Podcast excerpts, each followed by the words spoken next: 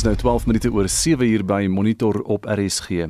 En voor ons sien sit ons met 'n Palma situasie. So waarsku Willem Els. Hy's 'n veiligheidsontleder by die Instituut vir Sekuriteitsstudies in Pretoria en nou dat die stof geleidelik begin lê na Vrydag se terreuraanval op die dorpie Palma in Mosambiek, se Cabo Delgado provinsie daar in die verre noorde, wonder meer as net een ontleder wanneer Suid-Afrika die soort terreur gaan beleef. Daar is ook ontleders wat sê ISIS het lankal 'n voet in die deur.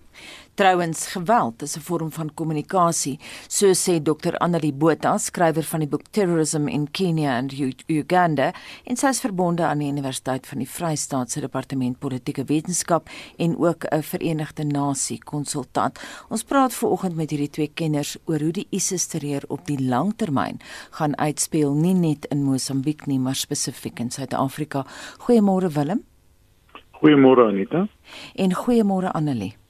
Uh, goeiemôre Anita en goeiemôre aan jou luisteraars. Annelie, kom ons begin by jou. Hoe stewig is ISIS reeds gevestig in Suid-Afrika? Wel Anita, dit is 'n baie moeilike vraag om te antwoord so uit die vyf uit. Uh, ek dink niemand weet presies nie. Al wat ons werklik wel weet is dat uh radikalisering alreeds vir 'n baie lang tyd al plaasvind en dat sekere groeperinge en individue in Suid-Afrika al vir verskeie jare gebruik as 'n veilige hawe. Ehm uh, met die gevolg is 'n mens kan soms te sê daar is soveel getalle. Dit dit wat altyd om altyd wil weet hoeveel hoeveel is hier. Ehm uh, dit is moeilik om te sê. Maar ek dink ons kan duidelik sê dat uh, Suid-Afrika so genaamd nie geïsoleerd van wat in die res van die wêreld gebeur, in die res van Afrika gebeur nie uh met gevolg is ek sou sê uh, as ek dit terugvind of terugtrek na die 1980s en dan die 1990s dan wil dit vir my voorkom voorkom asof ehm um, of nie die Islam Islamitiese staat nie maar Al-Qaeda en Al-Shabaab en verskeie ander groeperinge alreeds vir 'n baie lang tydperk dit afgebruik as 'n veilige hawe. En Willem as jy so uit die vuis moet antwoord, is ons 'n uh, veilige hawe uh, wat ons nie eens van bewus is dalk nie? Uh Gustav, ja, ek ek stem saam met Annelie. Uh, ons weet dat Suid-Afrika uh reeds 'n geruime tyd uh, baie oop uh uh politieke en en en uh, uh beleid het om ons is basies almal se vriend, ons het nie baie vyande nie. En uh dit is aan die een kant aan die ander kant het ons ook 'n uh, sekere probleme in die land waar ons weet dat ons intelligensie gemeenskap onder baie druk is. Uh en en dat hulle miskien nie heeltemal uh, uh, uh, uh bo op uh, hierdie situasie is nie. So die die die probleem wat ons daar het is dat uh al het ons baie goeie mense wat ook nog daar is en hard probeer werk, uh, veg hulle op die oomblik teen 'n oormag en is die, die inligting miskien nie tot ons beskikking wat ons moet hê om om die klas van ding teen te werk nie. Ander ons het ook oop grense. Dit is waar Anita. Ehm um, en of dit nou of dit nou gebruik word vir terreurgroepering of dit nou gebruik word vir georganiseerde misdaad. Ehm um, en dit is nie iets wat net beperk is tot Suid-Afrika nie. Ek dink dit is die probleem oor die hele kontinent. As 'n mens kyk na Kenia en Somalië en so voort, is dit die een een faktor wat almal natuurlik opnoem as die eerste 'n faktor wat wat hulle self oopstel, uh, is oop oop grense, maar dan moet ons ook besef daar daar is ook faktore soos Willem sê en Willem dit is fantasties om om jou te gesels die eerste keer in, in, in nog altyd. Ehm um, so dit is fantasties om ons jou stem te hoor. Ehm um, maar ek en Willem het al het al verskeie geleenthede al gesels oor die feit dat ons ook onderliggende faktore self het en ek dink hy het begin noem. Ehm um, ons het 'n groot uh werkloosheidssyfer en ek dink ook daar's verskillende redes hoekom mense wel betrokke raak by uh radikale organisasies. Dit is nie net geloof nie, ek dink 'n mens maak soms daai fout om te dink dit is dit is 'n ideologiese uh ideologiese godsdienstige rede. Wat toe genaamd in die geval is nie. So ten spyte van oop grense, uh moet ons bietjie wyd bietjie nader kyk na wat gebeur in die land self. Willem, is daar sekere sentra waar hierdie soort van aktiwiteite gekonsentreer is? Is dit 'n ding wat net in groot stede gebeur? Uh, ek dink uh, Gustav ek dink nie dit is net 'n groot storie maar as ons kyk na die geskiedenis of die onlangse geskiedenis sal ons sien dat daar uh, die die voorvalle in Durban in Durban omgewing was ons het ook gesien dat uh, daar net suid van Johannesburg ook 'n voorval was. Dit is 'n indikasie dat die die, die groepe wel hierso opereer en van daai daai sentra opereer. Maar ons moet ook terugkyk na die na die laat 90's toe waar waar natuurlik die die Kaapstad metropool en die omgewing daarso ook uh, ook natuurlik 'n groot fokuspunt was. Maar ons sal 'n fout maak as ons dink dat die mense net in die groot sentra opereer. Annelie, hoe begin 'n mens Annelie, hoe ja? begin 'n mens met die radikalisering van die jeug? Hoe begin jy? Jy sê alles gaan nie altyd oor ideologie nie. Hoe wen jy hulle om aan te sluit by 'n terreurorganisasie? Ons praat hier nie net oor ISIS vanoggend nie. Ons praat oor Al-Nusra, Al-Shabaab, ons praat oor Hezbollah. Wel, Hezbollah is nie meer 'n terreurorganisasie, maar in die breë. Hoe kry jy jong mense om aan te sluit? Wat doen jy? Wel ongelooflike frustrasie en marginalisering uh is een van die primêre faktore wat 'n rol speel. Uh in onderhoude wat gevoer is met met Al-Shabaab lede in Somalië self, in Kenia en natuurlik ook verder wes uh Boko Haram uh selfs selfs die IDF um wat wat nou daar duidelik gekoppel word aan die Islam, Islamitiese staat en natuurlik ook Mosambiek ook. Um as jy met individue gesels, dan kom jy agter dat daar 'n duidelike verskil tussen die redes hoekom individue betrokke raak by so 'n organisasie en waarvoor die organisasie self staan. Ehm um, en dit is natuurlik baie interessant. Uh ek dink 'n mens kyk baie keer daarna asof almal in 'n organisasie behoort aan die ideologie of hang die ideologie aan. Ek gaan selfs so ver gaan deur te sê dat uh veral jeug, veral baie jong mense uh kan betrokke raak by hierdie organisasies en dit ons sien in Al-Shabaab onder andere. Ehm um, as 'n as 'n vorm van van uh van 'n werk. Dis is amper asof hulle huursoldate word vir die organisasie self daar is geen ideologie nie. Ehm um, dit is dit is plainweg 'n geval van ons is uiters gefrustreerd. Hierdie uh hierdie mense gee my 'n vorm van 'n werk. Uh, ek word elke maand betaal. Ek het 'n ek het 'n vorm van ek ek hoort ehm um, wat alles gebruik word deur organisasies soos die. Ehm um, so dit is in, in kort wat ek sou sê daar is nie 'n profiel nie. Kom ons stel dit so. Uh jou jou minderheid ehm um, is is regtig ideologies gekoppel ehm um, aan aan 'n organisasie. Die meerderheid ehm um, raak betrokke vir verskeie redes en en en godsdienstideologie is soms die laaste rede uh wat wat hulle betrokke raak. Dit is hulle hulle raak betrokke deur vriende en familie. Uh al vriende speel 'n bitter groot rol in hierdie tipe van van situasie. Ehm um, so mense kan lesse leer uit die res van die kontinent uit. En ek sien daardeur dat mense dit alles net so kan so kan kopieer en en en en en en en paste. Skiet tog vir Engelse woord. Maar die feit van die saak is dat daar's daar's lesse om geleer te word. En uh, dit maak mense bekommerd. Veral as mens kyk na die, na die onderliggende omstandighede ehm um, in Suid-Afrika self is daar mm. uh, 'n vorm van van frustrasie uh, wat gebruik kan word. Mm. En uh, Willem sê praat van frustrasie. Hoe word vroue geradikaliseer? Is dit 'n soortgelyke proses as die jeug of is daar iets anders aan die gang daar? Jonge, die dinamika is maar baie dieselfde, maar ons weet dat dit is 'n uh, individueel soos soos Annie nou gesê het dat uh, dat dit dan van geval tot geval af hang van tot persoon tot persoon af. Maar ons weet ook dat die vroue uh, uh, in uh, by in, in baie gevalle is ondersteunend is, maar ons het ook gesien in van die gevalle waar in in in Wes-Afrika en ons ook in Oos-Afrika waar ons nou bietjie gewerk het dat eh, die die die vroue begin al hoe meer na vore kom. Ons het gesien in Mombasa was daar 'n uh, aanval gewees op die polisiestasie en dit was slegs vroue gewees wat in die sel was wat aangeval het. So hoewel die vrou die vrou in die tradisioneel meer ondersteunend was, sien ons dat hulle baie meer na vore tree uh, uh in in 'n leidingsrol wat hulle was in die verlede was hulle baie ondersteunend en hulle was baie in die logistiek en al daai klas van dinge. Hulle begin baie meer prominent word.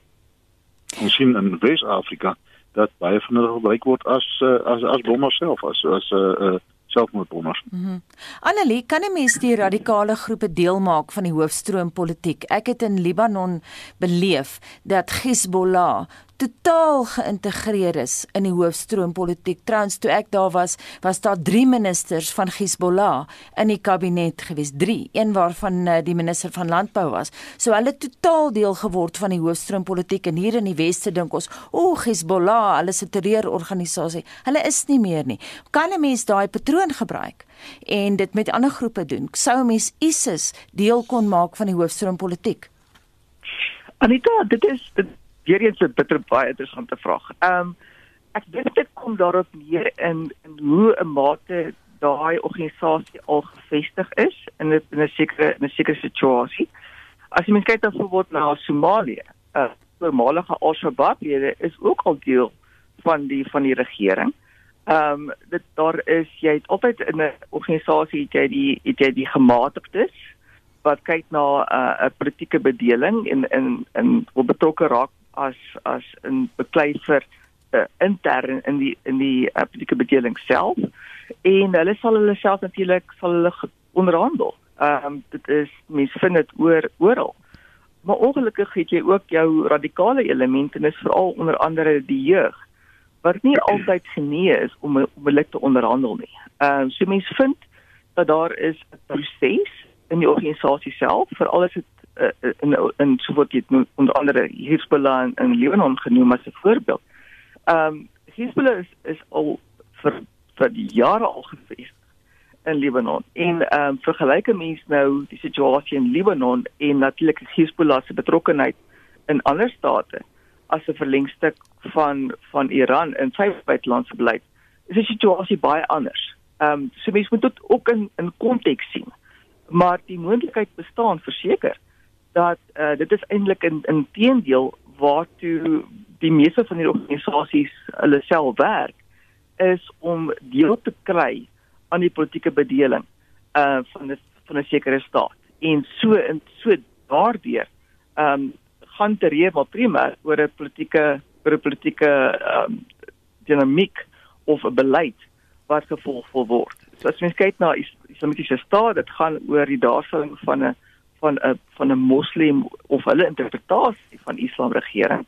Ehm um, ek sal genaamd nie dit dit uh vereenselwig en sê hulle hulle staan vir vir Islam net so genaamd in die geval net is regtig 'n ideologie dis nie die godsdiens nie so die die die redes en of hulle kan onderhandel uh dit moet mens vat uh vir per staat per staat so situasie per situasie so wil dit klink nie asof hierdie uh, internasionale terreurorganisasies baie homogeen is nie ehm um, hoe sterk is is dit sien maar die leierskap uh, die hiërargie in so 'n organisasie om almal in 'n ry te laat staan en dieselfde te laat doen en sê Uh Gustav in, in ons het gesien in die verlede as jy gaan kyk na jou jou verskeie uh, uh radikale organisasies dat jou jou leiers is gewoonlik uh, baie charismatiese leiers.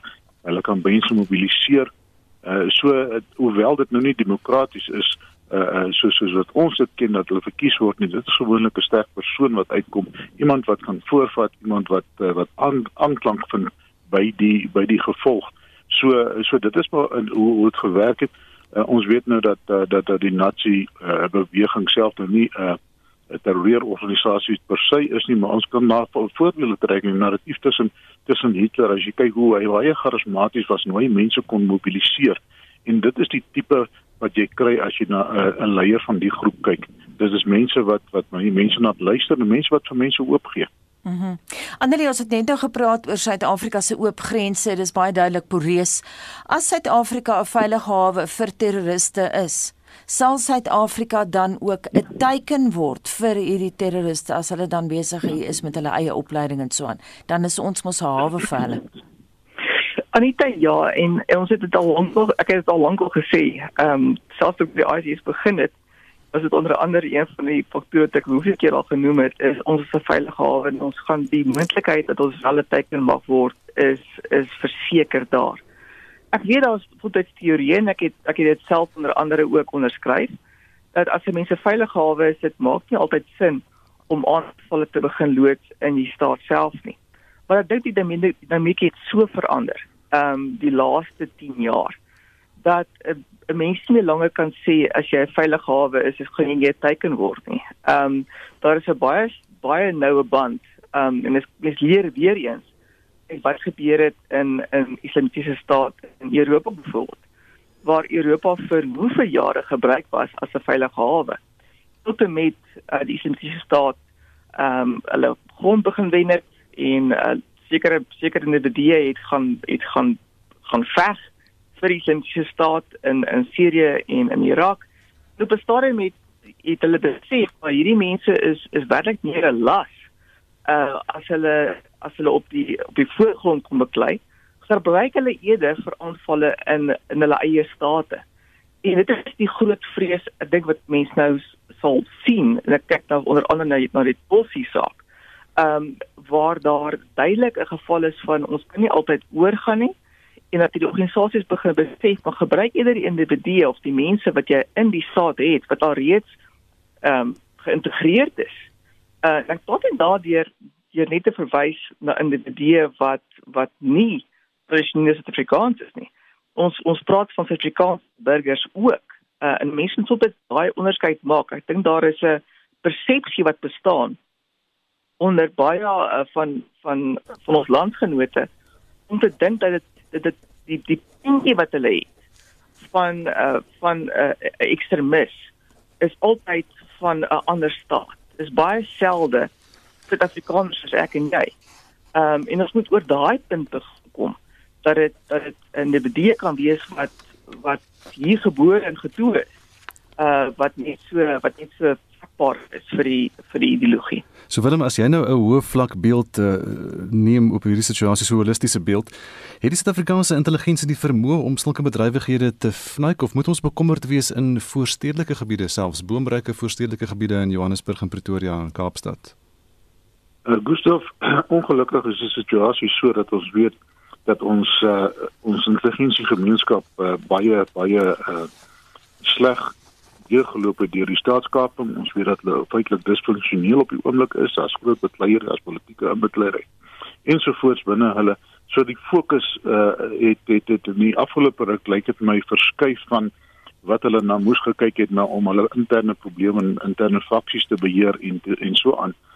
So die probleem daar is is dat, dat as jy nie jou vinger op die pols het nie, dan gebeur daar dinge wat jy kan nie jy kan nie proaktief optree en jy kan nie jou jou vinger op jou jou jou, jou uh uh op hoogte hou van wat aan die gang is nie. So die die die kort antwoord daar is ons weet nie.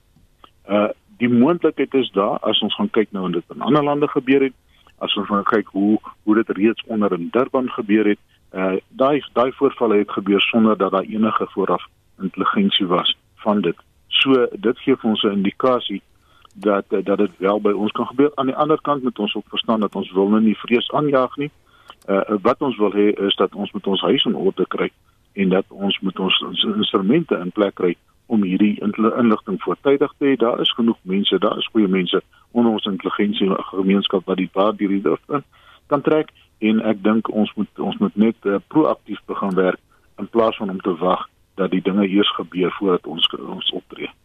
En daai waarskuwing kom van Willem Els van die Instituut vir Sekuriteitsstudies in Pretoria. Ons het ook ver oggend gepraat met Dr. Annelie Botha, sy skrywer van die boek Terrorism in Kenya and Uganda en sy sy is verbonde aan die Universiteit van die Vrystaat se Departement Politieke Wetenskap en sy is ook 'n VN konsultant en dit bring ons by 7:30. Is dit wat sê die luisteraars? Anita, kom ons luister eers na van ons luisteraars se stemnotas. Jak Daniel hierso. Ek dink die president se voorstelle is uitstekend onder die omstandighede. Dit is daarom net baie snaaks so ons mense wanneer hulle nie kan kerk toe gaan nie, dan wil hulle kerk toe. Wanneer hulle kan gaan, dan wil hulle nie. Paasnaweek is in elk geval 'n tyd wat almal by die see gaan lê. Kerke sal beslis nie oorstroom nie. Ek het klaar my drank gekoop so ek het geen probleem die naweek nie en ek beplan in elk geval nie om te misbruik nie. Ek sal voortgaan om my masker te dra, my hande te was en afstand te bou. Sterkte vir almal. Ek hoop nie hierdie ding kom buite ons weer nie. Ek kan nie verstaan dat die regering so dom is nie. Hulle hou maak die drankwinkels toe deur die naweek en hou die pubs en die shebeens oop. En hulle is nou kamstig bekommerd oor die samedromming en byeenkomste en mense wat saam sal drom, maar nou waar gaan hulle saam drom? By die pubs en die uh, sherbins. Want as die borrelstore oop was sou die mense hulle drank gekoop het hy sou gegaan het en daar gedrink het. Maar nou gaan drink hulle by sherbin of by die pub en dan raak hulle onder die invloed en dan ry hulle huis toe en dan maak hulle nog ongelukke ook dit maak ons nou nie sin nie. William hier van Jamestown in Ekurhuleni. Ek is daarom net bly die president het gisteraand nie die kerke weer toegemaak vir hierdie lang naweek nie. Maar wat ek voorbly is die alkohol. Die alkohol is toe vir daai 4 dae. En dan sê Erika Stadram van ek ek dink dit was die verstandigste aankondiging in maande. Ek is baie dankbaar dat kerk by einkomste nou na 250 of 50% kapasiteit verhoog is. Ons wil vandag by jou weet wat dink jy van die inperkingsmaatreëls wat gisteraan deur president Cyril Ramaphosa aangekondig is? Stuur vir ons 'n SMS na 45889. Onthou dit kos R1.50 per SMS. Gesels saam op ons Facebookblad by facebook.com vorentoe skynstreep ZARSG of WhatsApp ons stemnota na 076 536 6961 ek is net so voor 8 terug met nog van jou terugvoer. En is nou 24 minute voor 8 'n bekende en bekroonde stem hier op RSG se aktualiteitsprogramme en nuusbulletins het sopas afgetree. Veronica Fourie, ons verslaggewer in die Oos-Kaap het na 25 jaar by die SAIK haar mikrofoon afgeskakel. Sy het vervroegde pensioen geneem as gevolg van die afleggingsproses van die openbare uitsaaier wat nou vandag tot 'n einde kom. Altesaam 621 mense is deur die afleggings by die SAIK geraak. Nou Veronica was veral bekend vir haar menslike stories wat sy oral uitgesniffel het en sy het vir oulaas met ons kollega Susan Paxton gepraat. Douberman meen die regter het gefouteer deur nie borg toe te staan aan Omotoso nie omdat hy weens ongeregverdigde vertragings in die saak reeds 3 en 'n half jaar in die tronk is. Die vrugteplikkers wikkel rats met hulle lere tussen die appelbome met die rooi wangvrugte trekkers kreun na die pakkamers met die vragte vrugte. I felt like the world is shattered. Dit was die reaksie van die 71-jarige Namonde Baatjies van New Brighton nadat sy positief getoets het vir die COVID-19 virus. Toe die skote afgaan het ek uitgehaal en ek skree na Kim toe ek nog skree na Kim toe sy Kim klaar met my neus aan die by die hek in die manten. Hartbeesstraat in Hellenwyl, wat alom bekend is as die gat, is waar klein Hakim Baartman sy lewe verloor het. Nou vertel my bietjie van oom se gesondheid. Watse medisyne gebruik oom? Ek gebruik Swastorm en Kapteinwortel. Sy hoogtepunt was om 4 vleuelklaviere aan boord van die Queen Victoria te stem wat in die Port Elizabeth se hawe aangedoen het. Toe die musiekdirekteur vir my sê, "Gaan help jouself met 'n ete op die boot." En ek het dadelik besef, "Joh, gaan ek ooit weer die geleentheid kry om op so smart boot te eet en daar het ek my gate uitgeniet. Botha sê die aanvraag na pynappels het die hoogte ingeskiet. Almal soek pynappels om 'n bietjie bier in hulle lewens in te sit. My naam is Veronica Fourie en ek was vir 25 jaar lank 'n uh, radio en televisie nuus verslaggewer in die nuuskantoor van die SAIK in Port Elizabeth wat nou Gebega heet. 25 jaar. Kan jy dit glo? ja, so 'n kwart eeu. Ek was van kleins af altyd nuuskierig en wanneer iets oor my pad kom dan het ek altyd gedink, "Ag, oh, yes, like ek moet dit vir iemand vertel." En dit was mos nou die wonderlikste manier om dit te kan doen en sommer laat die hele land dit kan hoor. En dit is 'n wonderlike geleentheid om dit op radio en op televisie te kan doen. Vertel ons bietjie van Veronica. Waar kom jy vandaan? Ek is 'n gebore Johannesburger. Ek het daar aan die voet van die SAIK groot geword, maar nooit gedink ek sal vir die korporasie werk nie. Ek het onderwys geswat daar by die Goudstadse Onderwys College nou nog sommer net langs die SAIK en ek het altyd saam met my pa radio geluister en almal se stemme het vir my soos fluweel geklink en ek het groot bewondering gehad altyd vir mense op radio en ek het so gehoop ek sal dit eendag kan doen. Maar nou ja, my pad het toe anders te geloop. Ek het onderwys geswat en 6 jaar skool gehou. Toe ek in die Oos-Kaap beland en toe ek mettertyd bydraes sommer uit my eie uit begin gee vir die plaaslike koerantjie en daar het ek toe later die geleentheid gekry om vir die Oosterlig te werk. Dit was nou die destydse dagblad hier in die Oos-Kaap en vir hulle het ek 4 jaar gewerk as joernalis en fotograaf en toe het ek vir 2 jaar vir die Engelse dagblad hier gewerk, die Herald en daarna het ek aansoek gedoen vir die pos by die SAIK. Destyds het ons nog streekprogramme gehad. Ek het toe by die program Ooskaap Kollig betrokke geraak dit was 'n wonderlike ervaring geweest. Ons het in die aand uitgesaai tussen 06:30 en 07:30 en dit het ons nou 'n bietjie geleentheid gegee om 'n bietjie sagter nuus te doen wat meer provinsiaal en plaaslike nuus was. Dit was regtig waar baie lekker tyd, maar die programme daai tyd het nie baie geld gemaak nie en dit is toe afgeskaf. So van toe af het ons nou vir al die ander programme nou ook bydraes gegee. So dit het nou al 25 jaar terug gebeur en ag dit was regtig waar vir my 'n vreeslike vervullende loopbaan. Radio is vir my so magic en ek is so dankbaar dat ek hierdie geleentheid gehad het om tog op die draadloos te kon praat soos my pa sou sê.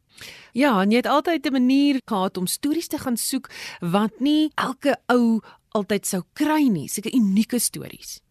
Ja, dit is altyd vir my lekker om met iemand te gesels. Ek onthou ek het 'n nasionale toekenning gekry vir 'n storie wat ek gedoen het oor 'n ag mens kan maar eintlik hom 'n boemelaar noem wat langs die pad gestaan het met 'n dit was 'n voertuig soos 'n die agterkant van 'n ou Ford kar en aan die voorkant het hy 'n perd gehad wat die besigheid getrek het en hy het daar gestaan langs die pad met sy drie honde en dit het onmiddellik my aandag getrek en hy het 'n oogklap gehad en hy het 'n kortbroek aangetree sonder 'n hemp maar met kruisbande en jy weet kaal voet en ek het gedink maar die man moet 'n storie hê. Jy weet elke mens het mos maar 'n storie. Ek het met hom begin gesels en ek gesê wag wag wag laat ek dit net opneem. En dit was uiteindelik so 'n lekker menslikheidstorie net om te hoor hoe hy maar net 'n uh, toelaag kry per maand en hoe hy nou deur die land toer met hierdie kontrepsie wat hy self gemaak het en ek het hom bietjie laat sing met sy gitaar en hy het met die honde gepraat en dit was net so 'n lekker vertel storie. En die dag toe ek nou die nasionale toekenning kry daarvoor was almal verbaas want dit was nou nie 'n nuus storie soos ons dit nou al in die ware sin van die woord ken nie, maar dit was 'n heerlike menslikheidstorie. Gepraat van harde nuus en uh, dinge moet berig want ons moet soms dinge doen in die journalistiek wat nie nie lekker is nie ons. Ons sif half inligting vir mense en maak dit meer verteerbaar. Soos byvoorbeeld ja. die saak waarna jy nou gewerk het tot hier op die einde. Hoe hanteer jy so 'n storie? Hoe hou jy kop met so iets want dis nie maklik nie. Nee man, dit is glad nie maklik nie en jy weet wat dit so moeilik maak is dat ons moet mos nou maar die storie oorvertel en soos jy gesê het ons moet dit verteerbaar oorvertel. Maar ons moet ook onthou dit is in die openbaar, dit is 'n gesinne kinders luister ook daarna. So jy kan nie regtig al hierdie fyn grafiese besonderhede weergee nie. Nou sit 'n mens byvoorbeeld die hele dag in die hof. Nou in die laaste tyd was daar 3 dae lank wat daar geargumenteer was oor die mate van intimiteit wat daar was in 'n sekere situasie want wat die getuie gesê het in haar verklaring en wat sy nou getuig het in die hof het nou nie ooreengekom nie. En dit was afgryslik geweest. En na 3 dae se sit in die hof kon ek werklik net dit sê wat ek nou vir jou gesê het. Want dit is net te erg om om oor te vertel. So partykeer moet 'n mens maar mooi luister en en fyn besluit wat jy gaan vertel en wat jy gaan uitlaat. Dit is ook vir my noodsaaklik om met mense by die hof verdediging en die staat goed kontak te hê dat 'n mens kan navraag doen wat dan gebeur baie keer goed in die hof wat jy nie verstaan nie. Veral in hierdie ometoso sake daar baie goed gebeur wat ek nog nie van tevore mee te doen gekry het in die hofsaake wat ek gedoen het nie. So mens leer die hele tyd en 'n mens moet bereid wees om te leer, nie ooit te dink dat jy genoeg weet nie. Ons lag altyd en sê as daar ergens in die wêreld of in die land 'n ding gebeur, het dit maar altyd 'n Ooskaap angle.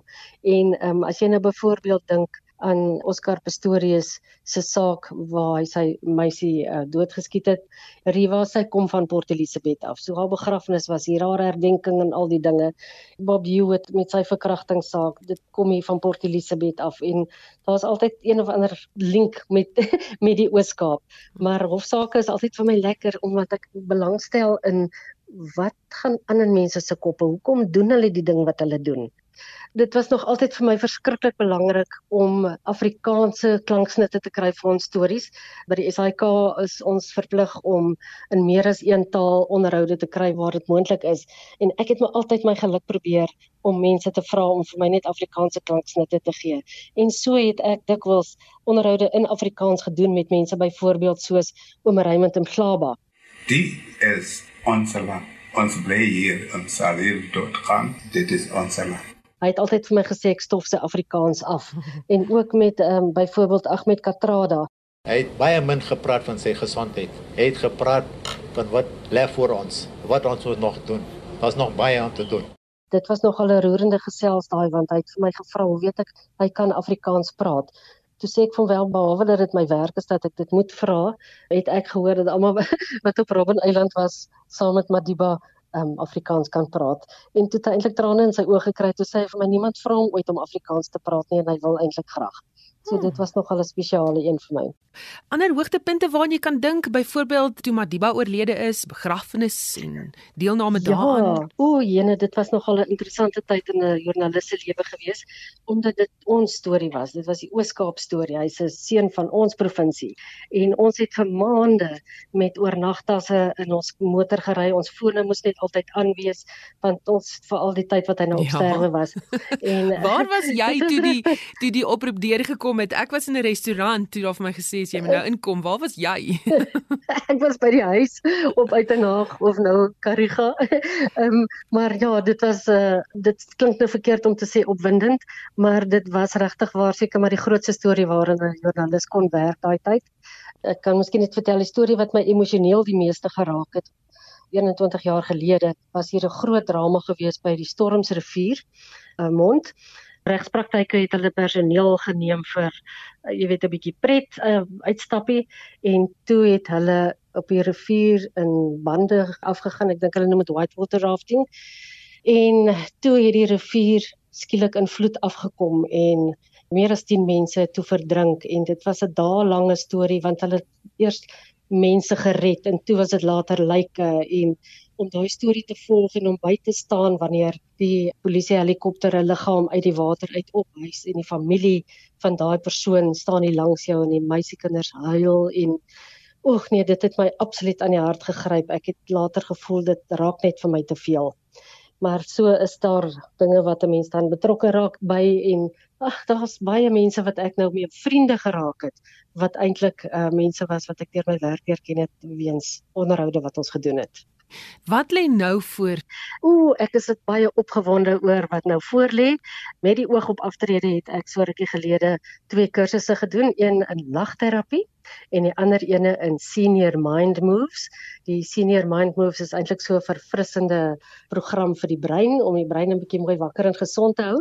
So die kursusse kan ek aanbied en ehm um, ek gaan baie tyd saam met my kleinkinders en my kinders deurbring. Ek het ook 'n liewe vriend nou. Ons gaan heelwat reis. So ek sien daarna uit om net voltyds gelukkig te wees.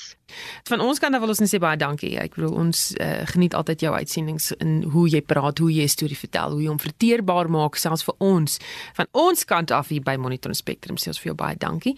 En dan nou vir oulaas, daai uh, standard out cue asseblief. Dis Veronica Fourie in Port Elizabeth.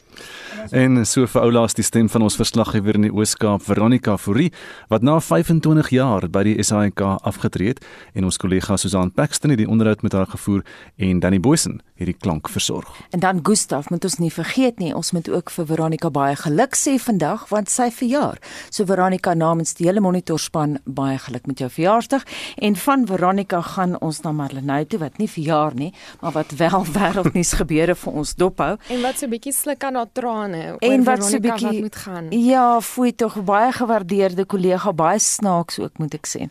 Duitsland en Kanada het nou besluit om die gebruik van die COVID-19-enstof AstraZeneca te beperk tot sekere ouderdomsgroepe. Nou dit volg op uitsonderlike gevalle waar bloedklonte gevorm het in die jonger mense wat die enstof gebruik het. Interessant dat hulle kwalifiseer jonger mense, Marlene. Ja, in Duitsland het 31 mense bloedklonte ontwikkel en 6 van hulle is dood, maar dis nou nadat 2,7 miljoen mense die enstof ontvang het. Duitse kanselier Angela Merkel hou voet by stuk dat hulle die regte besluit geneem het. Vertrauen entsteht aus dem Wissen, dass jedem Verdacht Trust arises from the knowledge that every suspicion, every individual case will be investigated. The federal and state governments stand behind this. Nou diegene onder 60 mag nie in Duitsland die enstof ontvang voordat meer inligting beskikbaar gestel is nie. Die land poog intussen om 'n miljoen dosisse van die BioNTech enstof per jaar te vervaardig binne die land se grense. En dan in Kanada is die middel ook beskikbaar vir mense onder die ouderdom van 55 jaar nie. Dis nou AstraZeneca. Ehm um, die land poog intussen om of eerder Dr. Joss Reimer, die mediese hoof van die inentingsprogram in Manitoba in Kanada, sê dis 'n moeilike situasie.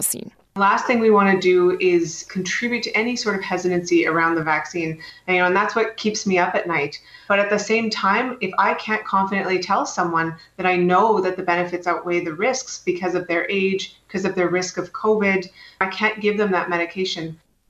Nou Dr. Brian Conway van Vancouver se sentrum vir oordraagbare siektes sê die vorming van bloedklonte soos die is weens 'n oordrewe immuunreaksie op die enstof, maar is 'n baie skaars verskynsel. Hy sê egter dis belangrik dat die wêreld se inwoners die proses vertrou. We need to understand we did this fast. 30,000 people or so were enrolled in the clinical trial. So it's not surprising that a side effect that occurs in one in 100,000 cases was not detected in a clinical trial where individuals were selected on purpose, probably to be at lower risk of getting side effects. So let's build knowledge, let's work through this together. And pause when we think it is scientifically indicated to do so. Otherwise, we lose credibility. En dit was Dr. Brian Conway van Vancouver se Sentrum vir Oordraagbare Siektes. En ons bly in die Amerikas in die FSA deur die Derek Chauvin moordsaak voort. Drie getuies wat op die toneel was, het nou getuig die week. Ja, dit sluit in die tienermeisie wat die video geneem het van George Floyd se laaste oomblikke vasgepen onder Chauvin se knie. I heard George Floyd saying, "I can't breathe, please." Get off of me. I can't breathe. He he cried for his mom. He was in pain. It seemed like he knew. It seemed like he knew it was over for him. He was terrified. He was suffering. This was a cry for help. Nou die meisie se naam en haar voorkoms word van die media weerhou om haar identiteit as minderjarige te beskerm. Die man wat die polisie gebel het om die voorval aan te meld by 'n ander polisiestasie, uh, Donald Williams, was emosioneel toe sy oproep gespeel is. Hier is uittreksels van daardie oproep. He was already in handcuffs. They pretty much just killed the dude. I don't even know if he's dead for sure, but he was not responsible when the ambulance just came and got him. Okay, let me get you over to the desk. You can request to speak with the sergeant, okay? Stay on the yeah, and I'm sitting here talking to uh, with another off-duty uh, firefighter that just sat here washing in front of us as well. Okay. And she told him to check the, the man pulse, but they wouldn't even check the, uh, the pulse. Okay, one second. Nou die brandweerlid na wie hy verwys het hier is Genevieve Hansen. Sy getuig dat Floyd tekens getoon het van iemand wat mediese hulp nodig gehad het en dat sy nie toegelaat is om Floyd te help nie. The officers didn't let me in to the scene. In my memory, I offered to walk them through it or, or told them if he doesn't have a pulse, you need to start compressions. And that wasn't done either. Die saak duur voort. En op 'n ligter noot en hierdie se lieflike storie. Die 89-jarige koninklike lugmag veteraan John Wilcock in Brittanje span nou rolskaatse en sy vrou se loopring in om geld in te samel vir 'n voedselskema in Engeland. Ja, hy gaan poog om 90 keer om die binneplein in sy dorp te rolskaats voor sy 90ste verjaarsdag en dis wat hy aan die BBC gesê het. Walking's a bit boring. Jogging's a bit boring. And I saw this boy and his father skating, roller skating. And I thought, well, that's the thing to do. Along comes uh, Tom with his trolley, and I thought, yes, with my wife's roller, I'll be able to skate. En dit was die 89-jarige koninklike lugmagveteraan John Wilcock in Brittanje. Nou sy doel was om ongeveer 10000 rand in te samel vir 'n voedingsskema in Engeland, maar die bedrag staan nou op minstens 140000 rand. Hmm. So eksentriek en so Engels en dit was Madeleine Fischer. 6 minute voor 8 nou hier by Monitor in die George munisipaliteit het besluit om waterbeperkings op te hef. Streng waterbeperkings is in Junie 2017 ingestel. Maar die woordvoerder van die George munisipaliteit, Chantel Edwards Closer, sê vlak 2B waterbeperkings is wel vir Uniondale ingestel. Die tuinroete damvlak staan heidaglik op 99% in terme van die kapasiteit voor die bou van die nuwe oorloop en op 'n geskatte 79% in terme van die nuwe kapasiteit. Die nuwe kapasiteit van die tuinroete dam sal deur die departement van waterdienste bevestig word sodra die nuwe damvlakke gekalibreer is. George het goeie reënval ondervind na afloop van die projek. Uniondale val ook onder die George gebied en die damvlak word tans op 30% geraam en gegee die huidige situasie en die heersende weertoestande in Uniondale het die raad die implementering van 2B waterbeperkings in Uniondale met onmiddellike ingang goedgekeur. En watter maatreëls het julle in plek gesit om die opgehefte waterbeperkings volhoubaar te maak? Die natgooi fonteine met 'n tuinslang in die hand met munisipale water vir gelyke nommerhuise maandag en donderdag en ongelyke nommerhuise dinsdag en vrydag tussen 7 en 9 namiddag in die somer en tussen 3 en 5 namiddag in die winter. Die meganiese natmaak fonteine met sproeiers met munisipale water word verbied.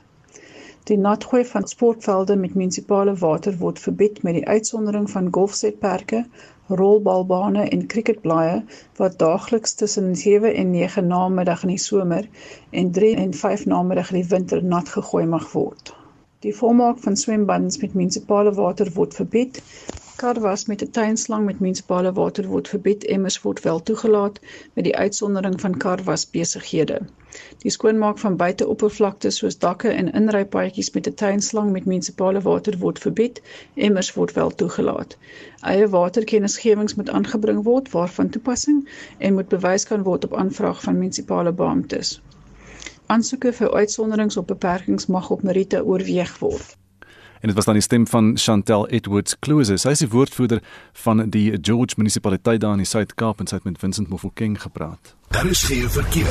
Ons kyk vir ouers wat aan die gang is in die verkeer vanmôre in Boksburg is daar 'n botsingstoneel op die N12 Wes net voor Rondebultweg en meer as 20 minute vertraging in daai omgewing vanaf Tom Jones se kant.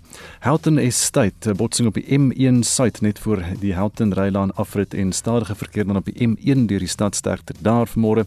In Midrand 'n botsing op die N1 suid naby Samrand, die Centurion se omgewing se verkeer staan terug daar so sterkte as jy daar is en dan kyk ons vinnig verder of nog enigiets anders is. 'n Botsing op die N7 suid in die Kaap by die afrit by die N1 uitwaarts. Dit was vroeër daar's nou skoongemaak so half nat en reënerig in die Kaap sterkte as jy daar moet ry vanmôre en ook druk verkeer op die N1 inwaarts by Brighton en vertragings daar in die Kaap. En dis jou verkeer vir oggend op monitor. Laaste verkeer, maar ons het darm nog tyd vir stemnotas dink persoonlik dis beter om by die huis te sit en drink waar jy een alleen of twee mense is as om nou na 'n kroeg toe te gaan en daar sit tussen klomp mense sonder 'n masker te sit so dit kan intedeel die risiko verhoog om COVID op te doen. Daar's geen voordeel in om 'n beperking te plaas op alkohol nie. Want die mensdom het nou al geleer hoe om hierdie situasie te hanteer. So of die bottelstoer oop is of toe is, maak nie saak nie. Hy gaan regkom met sy alkohol. Ek is meneer White van Victoria West. Drank sal maar altyd 'n groot probleem wees in hierdie paastyd. Hy het alles nou oopgemaak. Kom maak nie so bins en tevens toe nie. My naam is Colin van Oos-London. Die inperkings wat die president aangekondig het, daarmee wil hy 'n sekere groep mense tevrede stel en so aan. Maar ongelukkig kan ek nie sien hoe dit die gewenste uitwerking gaan hê nie. Want juist die byeenkomste, sowel as die uh, drankgebruike by Shabins en so aan, gaan juist die mense na hulle toe aantrek en nie weghou van dit af nie en as gevolg daarvan gaan die protokolle nie nagekom word nie. En ek is seker daarvan dat na Paasnaweek gaan ons sien hoe die COVID getalle verhoog as gevolg hiervan. So ongelukkig kan ek nie daarmee saamstem nie. Ek dink dit was 'n fout. Dit was nie deurdag nie. Daar's te veel skuiwergate in die aankondigings. Baie dankie dat jy ver oggend saamgesels het met ons en nou gee ons die bal aan na Marlenae toe, lyk like Spectrum. Wetstoepassinge oor die lang naweek is onder Spectrum se vergrootglas. Die Khoisan tradisionele leierskap wet word môre in gebruik geneem en ons vind uit wat dit behels, so as jy nuuskierig is, skakel in. En dis sowat 600 van die SAIK se werknemers se laaste dag by die uitsaaier. Onthou vorige uitsendings van Monitor en ook vandag se uitsending, die 2 ure afsonderlik, gaan op RSG se webblad wees as 'n potgooi, gaan dit na rsg.co.za. En daarmee groet ons namens ons waarnemende uitvoerende regisseur wees op Pretoria. Die redakteur vir oggend was Jean Esterhuizen, ons produksieregisseur Daitron Godfrey. My naam is Anita Visser. Monitor is môreoggend om 6uur terug. Ek is Gustaf Vreiling en Renske Jacobs is vir oulaas reg met die 8uur nuus.